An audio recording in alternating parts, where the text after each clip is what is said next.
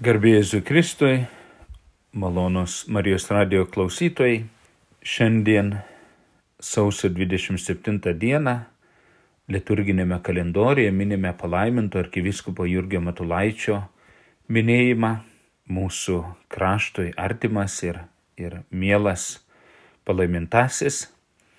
Todėl šiandien prelato profesoriaus daktaro Vytauto Stepono Vaičiūno buvau paprašytas trečio amžiaus universiteto lankytojams ir jums, Marijos radio klausytojai, paskaityti tokią paskaitą, konferenciją apie palaimintą arkivyskupą Jurgį Matulaitį ir jo tam tikrus gyvenimo ir, ir, ir galbūt mokymo ir pavyzdžio bruožus, į kuriuos galėtume atkreipti dėmesį. Esu kunigas daktaras Gediminas Jankūnas, Vytauto didžiojo universiteto katalikų teologijos fakulteto dėstytojas, o šiaip jau Krekenavos bazilikos rektorius ir Krekenavos upytės bei vadaktėlių parapijų klebonas. Taigi sėdžiu dabar šiuo metu Krekenavoje ir galvoju, kaip reikėtų šitą valandą mums visiems turiningai ir naudingai praleisti ir savo paieškose radau kunigo Stasio Įlos 1977 metais kovo 27 dieną Klevlende, Ohajo valstijoje, Junktinėse Amerikos valstijose, tai yra prieš 44 metus, e, sakyta e, Lietuvių išeivių parapijoje e, kalbą, tokią paskaitą apie arkivyskupą Jurgį Matulaitį. Šitą paskaitą galima rasti atspausdintą Lietuvos jezuitų leidinyje, Lietuvos išėvijos, galbūt geriau reiktų sakyti, jezuitų leidinyje laiškai lietuviams. Ir manau, kad e, tas prieš 44 metus kunigo Stasio Įlos padovanotas mums tekstas ir mintis tikrai labai gražiai ir aktualiai pristatys palaimintą arkiviskupą Jurgį Matulaitį ir kartu suaktualins jo asmenį ir mūsų laikams. Kunigas Tasisila pradeda savo kalbą žodžiais, jei ateitų šiandien jis į mūsų tarpą, pajustume kažkokią giedrą ramybę, dvelkiančią iš juos mens. Ar atsimeni jo akis, klausė kunigo Ilos draugas, sutiktas Čikagoje po Matulaičio minėjimo 1977 m. sausio pabaigoje. Ar atsimeni, kai matėm jį prieš 52 metus Kaune? Iš tikro, tose akise buvo kažkokia giluma ir ramybė, žvelgianti iš po aukštos kaktos. Tada, kai matėm, jis buvo 54 metų amžiaus. Eugenijus Jara, vėliau Oksfordo universiteto profesorius Anglijoje, sutiko Jurgį Matulaitį jaunesnį, 35 metų. Iš pirmo žvilgsnio, iš pirmų žodžių rašo pajutęs, kad tas žmogus turi savyje kažką nepaprastą. Jurgio Matulaičio nuotraukos iš dar jaunesnio amžiaus rodo jį pakeltą galvą, tiesiu drąsiu žvilgsniu, rimtu veidu, tikra vado povyza, primenančia prelatą Mykolą Krupavičių ar vyskupą Kazimirą Paltaroką. Ar jis buvo vadas? klausė kunigas Tasys Ila ir atsako. Tikrai taip, didelio masto, bet kitoks tylus, kuklus, visiškai atsižadėjęs savojo aš. Ta savęs įsižadėjimą ypatingai pabrėžė jo kursinis draugas Varšuvoje, Petrapolį ir Friburgė viskupas Henrikas Bžezetskis. Apie jį dar vėliau šitoje kalboje užsimins kunigas Įla. Palaimintas arkiviskupas Jurgis Matulaitis buvo idėjinis dvasinis vadas, ne organizacinis technikas. Jo veikimo būdas greičiau ne vienišiaus, o, kaip įla įsireiškia, sajudinis, bendruomeninis, įkvepiant ir įtraukiant kitus. Tai retas vado vadovo tipas mūsų istorijoje, neskaitant viskupų Motiejaus Valančiaus ir Merkelio Gedraičio. Tokie vadai negreit iškyla paviršin ir nepasidaro plačiau žinomi. Ilgą laiką Matulaitis buvo lyg nepastebėtas mūsų tautoj gal ir dėl to, kad ilgokai išbuvo svetur. Anksčiau už mus jį pažino Varšuva, Petrapilis, Friburgas, Roma, negu kad mes Seinuose, Kaune ar Vilniuje. Vis dėlto, rašo kunigas Tasysila, šaknis savoji žemė. Nes sveturo savoji žemė susikaupė stipriausi jo išgyvenimai ir trapiausios patirtis. Savoji šeimoje ir savam lūginės kaime, kur gimė ir brendo iki 18 metų. Marijampolėje, Baltųjų Marijonų parapijoje, kur žinojimo godus jaunuolis klausėsi gerų pamokslininkų lietuviško žodžio. Ta žodį jis išlaikė gyvą visą gyvenimą ir vis dailino. Ir nemaišė su svetimom kalbom, kurių mokėjo be ne aštuonetą. Jo ilgiau svetur buvo, juo dažniau grįždavo mintimis ten, kur kaip Maironis rašė, kur bėga šešupė. Tačiau Maironis dar nebuvo parašęs šios dainos, kai mažasis Jurgiukas vaikas braidė taupę, pratekančią pro gimtinę sodą. Šeimoje buvo pagrandukas, aštuntas vaikas, penktasis sunus, labiausiai mylimas motinos Matulytės ir tėvo Andriaus Matulaičių. Kai lietuviškoji aušra pasirodė prūsose, Jurgiui buvo 12 metų. Prieš tai užgeso jam dvi brangios saulės tėvo, kai buvo penkerių metų, ir motinos, kai ėjo dešimtuosius. Mokyklą pradėjo lankyti devinerių. Eidavo kasdien pėščias penkis kilometrus į Marijampolę ir grįždavo namo. Buvo vienuolikos, kai įsimetė jam į kojas skausmas ir niekas nežinojo, kad tai kaulų džiovos pradžia. Brolis Andrius, Maskvos universiteto studentas, parvykęs atostogų nustebo, kad Jurgutis dar nebaigęs pradžios mokyklos, o taip viskuo domisi ir parengė jį į pirmąją gimnazijos klasę. Lankė tas klases vėl iš namų, o grįžęs talkindavo prie įvairių lauko darbų broliui Jonui, kuris paveldėjo tėvų ūkį. Ūkis buvo nemažas - 32 hektarai, tad darbo nestigo. Koja negerėjo. Turėdavo dėl jos praleisti pamokas, kartais net po keletą dienų. Baigiant penktą gimnazijos klasę darėsi invalidas ir kai ją baigė brolis Jonas nebeleido mokytis toliau, nebūsė iš to naudos. Dviejus metus Jurgis pasiliko ūkį ir dirbo kiek pajėgdamas. Dirbo iki kol pasirodė lūginėje pusbrolis Matulaitis, kuris mokytojavo Lenkijoje Keltsų mieste ir pasikalbėjęs pasiūlė jam važiuoti pas jį. Ten parūpino gydytoją ir sudarė sąlygas privačiai mokytis. Jurgis buvo jau 20 metų vyras, kai apsisprendė stoti į kunigų seminariją Kelcuose. Po dviejų metų rusai seminariją uždarė, profesorius ir dalį klerikų išvežė į Rusiją ir išskirstė po kalėjimus. Likusiai ieškojo kitų seminarijų ir Jurgis atsidūrė Varšuvoje. Nuo pirmos susipažinimo valandos rašo jo kursinės vėliau vyskupas Henrikas Pržedzeckis. Mes pasijutome pagauti didelės jo inteligencijos, nepaprastų gabumų ir dvasinio kilnumo. To jau jis laimėjo mūsų tarpę pirmąją vietą. Tylus, nepaprastai darbštus, draugiškas, dėgas Dievo meilė patraukė į mūsų širdis. Mes žinojom, kad jis lietuvis, gerbėm jo jausmus, o jis gerbė mūsų. Iš Varšuvos klierikas Jurgis buvo pasiūstas į Petrapilio, dabar Sankt Peterburgo teologinę akademiją. Čia rado lietuvių studentų ir profesorių, jaunių, baltušių, maironį, pradėjo rašinėti į slaptą lietuvių spaudą, baigė Petrapilio akademiją magistro laipsnių su pačiais aukščiausiais įvertinimais. Po metų pertraukos padirbėjęs parapijoje, išvyko į Šveicariją, į Friburgo miestą ir įsigijo doktoratą vėlgi su aukščiausiu įvertinimu. Grįžęs į Kelcus profesoriavo kunigų seminarijoje.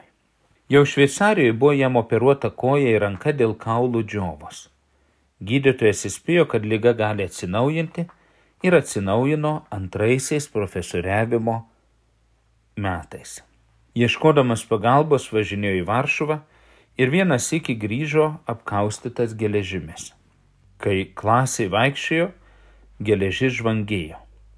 Kai laikė mišes, ostija galėjo pakelti tik vieną ranką. Sveikatai negerėjant išvyko ilgesniam laikui ir atsidūrė Varšuvoje, vargšų ligoninėje, nes neturėjo pinigų. Apie tai netikėtai sužinojo slapta vienuolė grafaitė Platerytė ir jį aplankiusi atpažino kažkur matytą veidą. Pasirodo, jis, Jurgis, klierikas, lankydavo savo dėdę motinos broli kuniga Feliksą Matulį, dirbusi vienoj Lenkų parapijoje, kur grafaitė turėjo ūkį ir išlaikė žemės ūkio mokyklą. Grafaitė Platerytė paėmė į savo globon, apgyvendino mergaičių gimnazijoje, kurią pati įsteigė, pristatė gydytoją ir tol rūpinosi, kol kunigas Jurgis pradėjo atsigauti. Norėdamas ją atsilyginti, Jurgis Matulaitis ėmė dėstyti religiją toje gimnazijoje, dviejų vyrų atvedamas į klasę. Dėstė taip įdomiai, kad ateidavo klausytis net kitų dalykų mokytojai. Platerytė vesdavo pas Matulaitį įtakingus savo pažįstamus, o šie aptardavo su juo naują padėtį, kuri atsirado po 1905 metų revoliucijos. Niekas nežinojo, ką reikia daryti, o Matulaitis siūlė nelaukiant pradėti pozityvų socialinių reformų žygį. Tam reikėjo sąjūdžio ir jis pamažu jį įbangavo, suorganizuodamas paskaitų ciklus ir socialinius kursus. Jurgis Matulaitis telkė katalikus studentus ir darbininkus, pats ėmėsi redaguoti darbininkams savaitraštį. Dėl šios veiklos sukėlė priešišką reakciją iš konservatyvių katalikų. Buvo skundžiamas vietos kurijai, Romai, apšauktas bažnyčios priešų, liberalu, socialistu. Nežiūrinčių skundų Petrapilio akademija pakvietė įtapti sociologijos profesoriumi. Štai profesoriaus Česnio buvusio Kauno universiteto prorektoriaus tada Matulaičio studento liudimas. Cituoju. Visus žavėjo, rašo jis, jo žinių gausumas ir dėstymo metodingumas, o labiausiai stebino ypatingas proto aiškumas. Ir pirmiau, ir paskui man teko klausytis daug šaunių profesorių, bet tokio minties aiškumo, koks spindėjo profesoriaus Matulevičiaus kalbose, kitur rodos neteko rasti. Antraisiais metais šalia dėstymo Jurgis Matulaitis buvo pakviestas būti akademijos dvasios tėvu, o po trijų metų paskirtas akademijos vicerektoriumi einančiu į rektoriaus pareigas. Pasidarė nepakeičiamas dėstytojas, auklėtojas, administratorius ir visus labai nustebino, kai po ketverių metų jis atsisakė šių pareigų ir pradingo. Atsidūrė profesorius Jurgis Matulaitis ir vėl Šveicarijos Friburgė su mažu būriu jaunų vyrų - lietuvių ir lenkų. Universitetas nežinojo, kokia čia grupė, ar nebus kokie sektantai ar modernistai, bet apie tai žinojo Roma, kad Matulaitis čia atvykęs įkurti vienuolinį naujokyną ir tik saugumo dėliai pasitraukęs iš Rusijos. Matulaitis metėsi į naują darbo sritį niekieno Lietuvoje neplanuota ir nesvajota, būtent atkurti caro valdžios naikinamas vienuolijas. Kodėl ir kaip jis priejo prie tos minties, sunku pasakyti. Genialus žmogus ir toks stilus vadas, koks buvo jis, šį reikalą nebejotinai buvo gerai išmastęs ir labai tvirtai, neperkalbamai apsisprendęs jį vykdyti. Iš Šveicarijos vienuolijos reikalais buvo nuvykęs į Romą. Ten jam buvo pasiūlytos labai atsakingos pareigos vienoje Vatikano įstaigoje. Jis atsisakė siūlomas garbės, nes jau tada būtų tapęs vyskupo, vėliau gal ir kardinolu, grįžo prie savo mažojo būrio ir dirbo lygi 1913 metų. Tada įsiruošė trumpam į Ameriką, veždamasi su savim du paruoštus naujus vienolyjos lietuvius kunigus, kuriuos įkurdino Čikagoje. Iš tų dviejų išaugo plačiai išėvyje žinomas Marijonų centras Čikagoje ir visa lietuvių Marijonų provincija. Pirmasis pasaulinis karas užklupo Jurgį Matulaitį pakeliui iš Lietuvos į Fryburgą ir uždarė Varšuvoje trejetai su pusę metų. Per tą laiką jis sugebėjo atkurti Marijonus Lenkijoje, sutvarkė jų centrą Belianuose, įsteigė dvi našlaičių prieglaudas ir Varšuvos lietuviams parūpino lietuvį Marijoną kunigą. Matulaitis grįžta į Lietuvą dar esant vokiečių okupacijai 1918 m. kovo 1 dieną. skubėjo tvarkyti Marijonų reikalus Marijampolėje, įsteigė nekaltai pradėtosios Marijos seserų vienuolyje, vargdienių seseris ir pačiame darbų sukūrė atskrieja žinia, kad jis yra skiriamas kandidatu į Vilniaus vyskupus. Matulaitis žinojo, kas yra Vilnius ir kad ten jo žodžiais ni pats angelas visiems neįtiks. Kaip galėdamas gynėsi šios naštos, rašė į visas pusės, pats važiavo į Müncheną pas Nuncijų pačelį, vėliau tapusi popiežiumi Pijumi XII, prašė sulaikyti jo kandidatūrą. Ir vis dėlto neapsigynė nuo viskupystės. Ką tik susikūrusios Lietuvos tarybos atstovams, maldaujantiems sutikti, pasakė. Jei Lietuvai reikia mano aukos, aš neatsisakau, bet žinokite, kad jūs mane siunčiate į pražūtį. Pavojaus aš nebijau ir savo asmens nebranginu. Man tik baugu, kad aš save paukosiu ir nieko negalėsiu padaryti. 1918 m. gruodžio 8 d. Marijos nekaltojo prasidėjimo iškilmėje jis jau įvesdintas į Vilniaus vyskupo sostą. Vilniaus kapitula to nenorėjo. Dalis kunigų buvo pusiau patenkinti, kita dalis priešinosi. Vienas kunigas net pareiškė. Su Matulaičiu bus mums sunku, per daug taktiškas. Jo neįvelsime pinklės ir neišgraušim. O vis dėlto, kaip rašo kunigas Tasys Ila, išgraužė.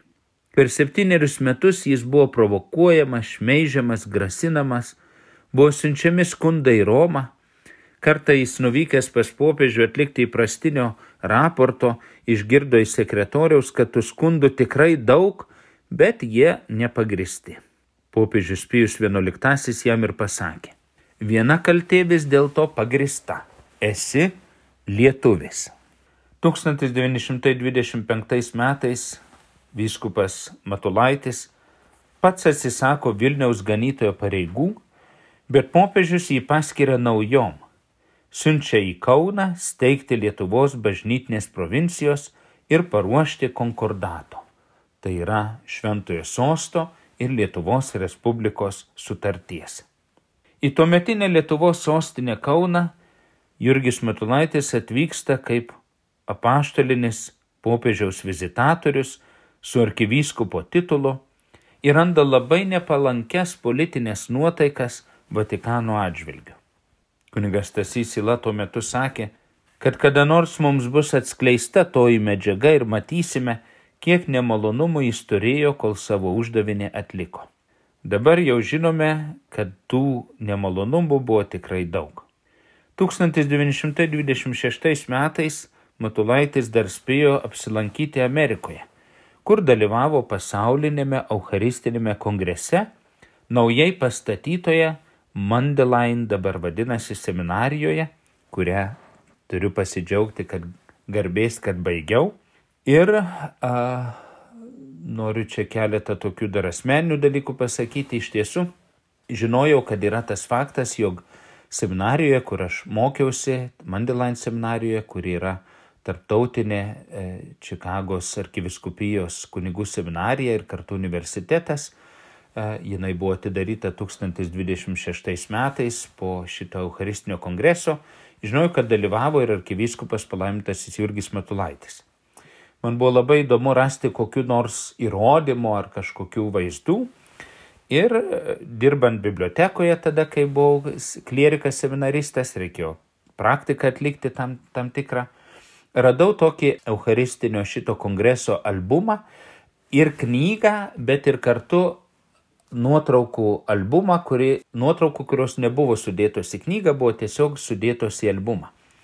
Ir vartydamas ir tą Eucharistinio kongreso e, tokią suvenyrinę knygą albumą ir kartu vartydamas nuotraukas, tas, kurias radau kitame albume, atradau ir atpažinau arkiviskupą e, Jurgį Matulaitį.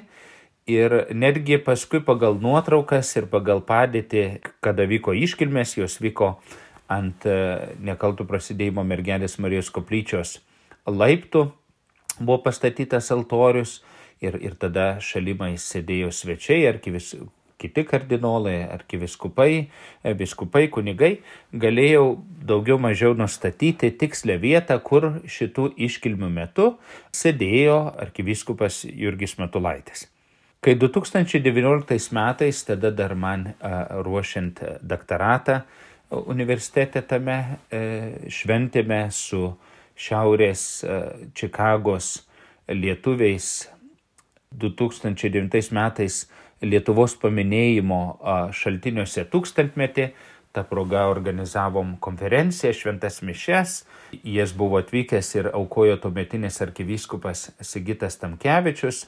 Dalyvavo viskupai vietos, dalyvavo vietos lietuviai kunigai išeiviai, kunigas Arvidas Žygas, kunigas Kelpšas, dabar tik, tiksliai visų nesuminėsiu, bet buvo tokia proga, tai paskui mes ant laiptų išėję tos koplyčios darėme bendrą nuotrauką ir aš leidau visiems susirinkusiems fotografuojantis vienu metu, momentu, netgi atsistoti ir parodyti, kur fiziškai e, pagal tas nuotraukas buvo galima pasakyti, kad e, stovėjo e, mūsų palaimintasis arkivyskupas Jurgis Matulaitis.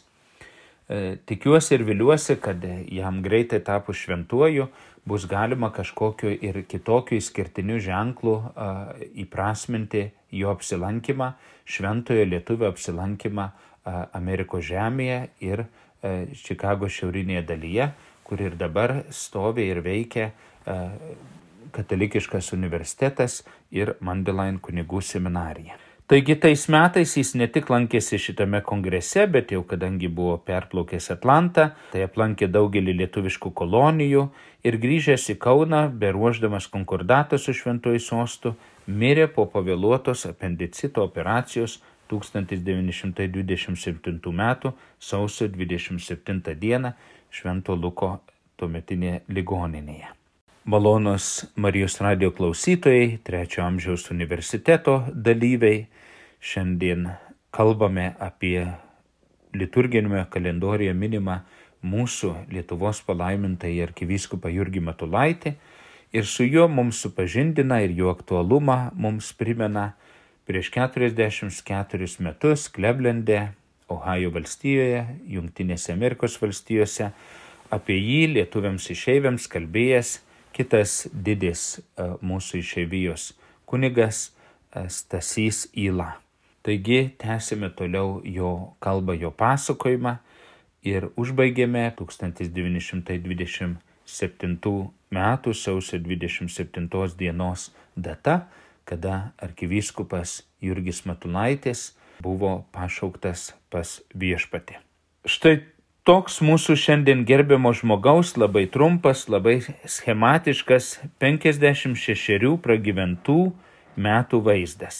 Kunigo Jurgis Matulaitis buvo tapęs 27, galutinai mokslus baigė Šveicarijoje 31, taigi tikram darbui jam buvo likę tik 25 metai. Kas ir kiek per tuos metus padaryta, sunku tinkamai pasverti. Vatikane yra keliolikos stambių tomų medžiaga surinkta jo beatifikacijos proga. Klausytojų dėmesį norėčiau atkreipti į palaiminto arkivyskupo Matulaičio veiklos rytis, į tą nepaprastai šakotą darbų plotą ir kartu sugebėjimą visą kažkaip suderinti. Tik paskaičiuokim tas veiklos rytis. Pirma - socialinė ir labdaros.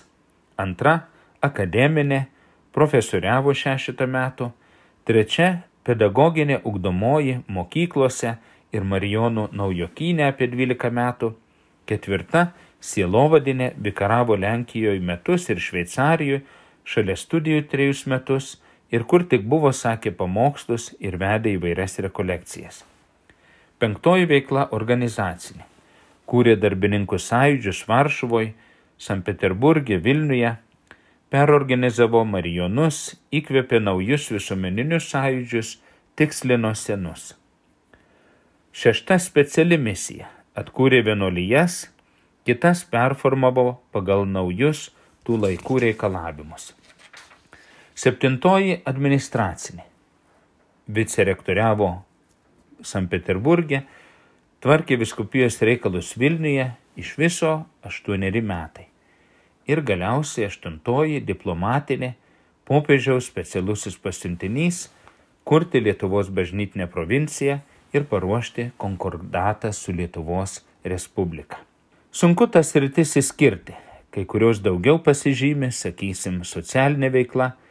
Matulaitis buvo išgarsėjęs sociologas, ne vien tuo, kad buvo geras šios ryties žinovas, bet ypač tuo, kad buvo labai pažangus ir drasus savo siūlomomis reformomis.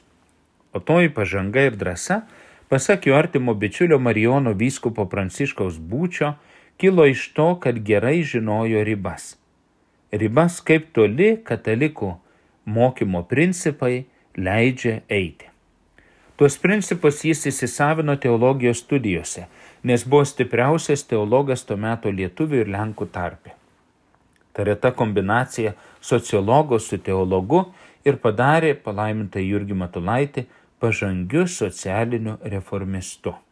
Kitas rytis, kur Matulaitis pasirodė nepralenkiamas, buvo dvasinio gyvenimo, askezės rytis. Prelatas Juozas Laukaitis viename laiške vyskupui Karevičiui jį šią prasme vadina vieninteliu Lietuvoje. Tokiu dvasiniu galiūnu jį laikė ir Lenkai. Dar vienas palaiminto Jurgio bruožas, kurį jau Friburgė studijų metu pastebėjo kanauninkas Sabaliauskas, e, taip mums žinomas kaip rašytojas pravardė Žalė Rūta, jau tada rašo, iškėjo kunigo Jurgio dydis, lyg nujautimas to, kad tas žmogus netilps vienoj tautoj, vienoj valstybei. Matulaičio veikla įsiskleidė keliuose kraštuose. Per jo atkurtus marijonus šešiuose kraštuose o kitokia veikla trijose - Lietuvoje, Lenkijoje ir Rusijoje. Ta prasme, jis priklausė prie lietuviškųjų proveržininkų, kurie ne tik kaupė iš pasaulio intelektualinius bei dvasinius turtus savo ir savo tautai, bet išėjo dalinti tai, kas buvo mūsų tautoj sukaupta. Įrašo kunigasylą.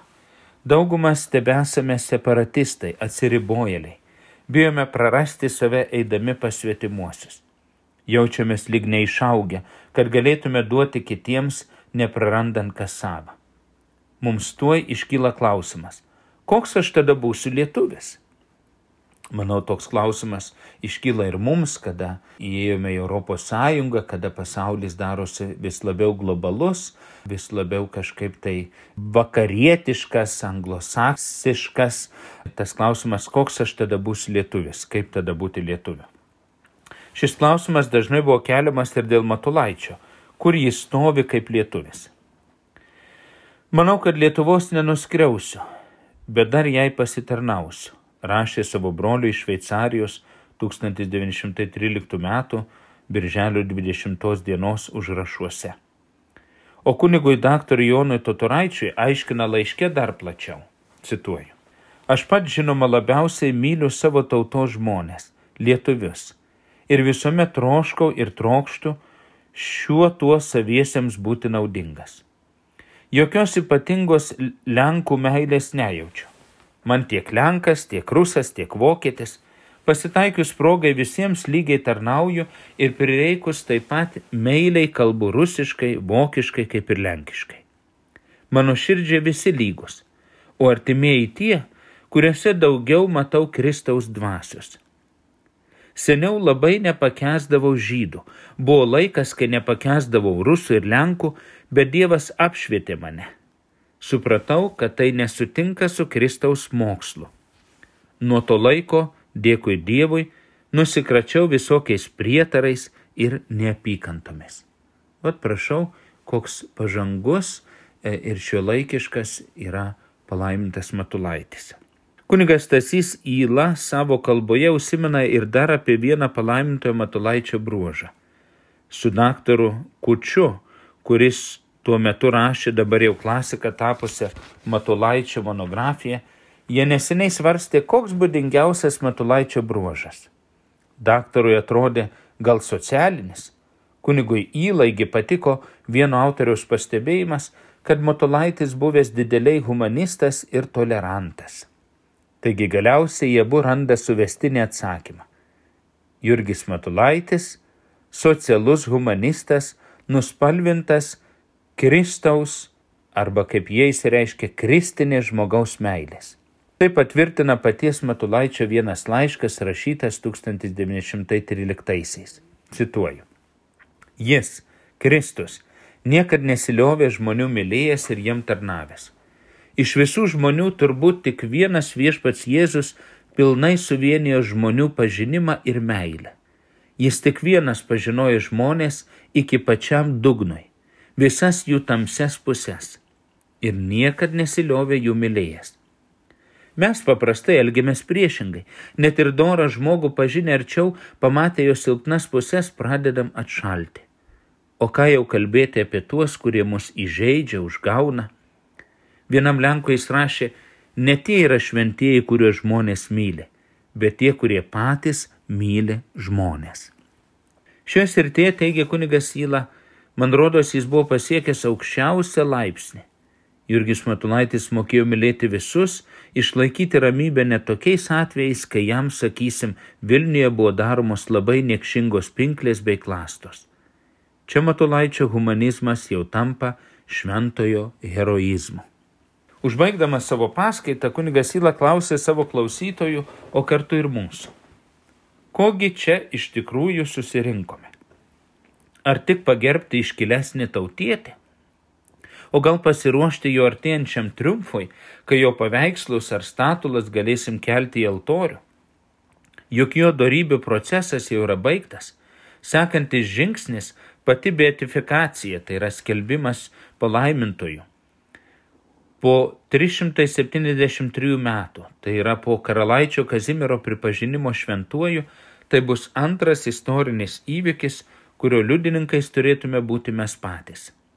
Ar tam įvykiai ruošiamės, ar ką nors darome jį pagreitinti? Yra viena formali kliūtis beatifikacijai, reikia bent vieno stebuklo per jo užtarimą. Medžiaga vienam stebuklui buvo gauta iš Lietuvos, bet daktarų nepatvirtinta, nes jie te negali duoti parašo tokiam dalykui. Ar mes negalėtume išmelsti stebuklo? Rodos turim tikėjimo ir nesam mažesni maldininkai už kitus. Jei šito negalim, tai bent prašykime popiežių, kad dispensuotų nuo stebuklo ir pagreitintų mums ir mūsų kovojančiai tautai šį laukiamą įvykį. Bet darykim tai sutelktiniu būdu įbanguokim savo lietuvišką visuomenę. Gaila, bet kunigas Stasys Įla, kuris buvo pašauktas iš šio gyvenimo 1983 metais, nebesulaukė to įvykio, kuris nuo jo kalbos, šitos kalbos 1977 atsitiko po dešimties metų. Tai yra popiežius Jonas Paulius II 1987 metais Lietuvai švenčiant 600 metų krikšto jubiliejų, arkivyskupą Jurgį Matulaitį paskelbė palaimintuoju. Antrasis klausimas kunigo įlos būtų šis. Ko mes labiau norėtume? Ar kad Matulaitis greičiau įžengtų į altorių, ar kad būtų intensyviau vykdoma jo misija mūsų tautoje pagal jo šūkį? Mano šūkis, rašė Matulaitis, visur įnešti Dievo dvasę, ją gaivinti, kad neįsektų neišblėstų, nesusilpnėtų. Mūsų uždavinys - tobulintis ir tobulinti, gyventi sąmoningą ant gamtinį gyvenimą. Turime eiti, kur Dievo dvasia mus veda. Dvasios nipančiais niekas nesurakins, nei kalėjime neužkals, nei ištremime nesulaikys. Jis įsiverš iš visur, pro visur prasimuš. Tokia dvasia dabar iškyja Lietuvoje ryškėja nebejotinų heroizmų, kaip rodo Nijolė Sadūnaitės ir kitų pavyzdžiai. Kai skaitai Matulaičio dienoraščius ir lyginė su Lietuvos bažnyčios kronikos įvykiais, rodos jauti labai artimą dvasinį ryšį. Lyg jis ten būtų jų kovos įkvėpėjas ir vadas. O kaipgi dabar, šiandien? Ar mūsų dvasia žėri, dega, o gal blėsta ir stinksta? Taigi 77 metais savo paskaitoje kunigas Tasys Įla primena mūsų Lietuvoje tuo metu vykusi pogrindinį įsilaisvinimo judėjimą, Lietuvos bažnyčios kronikos veikimą, kuri pateikdavo tikrasias žinias iš už geležinės uždangos. Ir šiandien atrodo, kad tie klausimai galėtų būti pakartoti. Pirmasis klausimas - ar stengiamės, kad mūsų palaimintasis arkivyskupas Jurgis Matulaitis, dabar jau ir kitas palaimintasis Teofilius Matuljonis, taptų šventaisiais ir papildytų bažnyčio šventųjų būrį, ar melžiame jų užtarimo, ar prašome, kad per jų a, užtarimą Dievas padarytų stebuklą ir tas stebuklas būtų dar vienas įrodymas, kad jie yra šventųjų bendrijos nariai ir gali savo šventumu ir artumu mums lietuviams pasitarnauti ir mūsų Lietuvo žmonių, ir mūsų krašto, ir valstybės dvasingėjimui ir tokiam dvasiniam kilimui, kurio tikrai reikia. Ir antrasis klausimas, kas mums svarbiau, ar palaimintas arkiviskupas Jurgis Šventasis, ar ta jo gyvenimo pavyzdys ir, ir laikysena, kurią jis paliko, jo darbštumas, jo aukojimasis ir dėl tėvynės reikalų, ir dėl bažnyčios reikalų, bet svarbiausia dėl, dėl Kristaus misijos įvykdymo žemėje, kad žmogumi tapęs Dievas tam ir atėjo į pasaulį, kad mes išgirstume jo žinę ir jo evangeliją, ją priimtume ir jį mums dovanotų tikrąją ateitį, tikrąją laisvę ir tikrąjį gyvenimą su Dievu.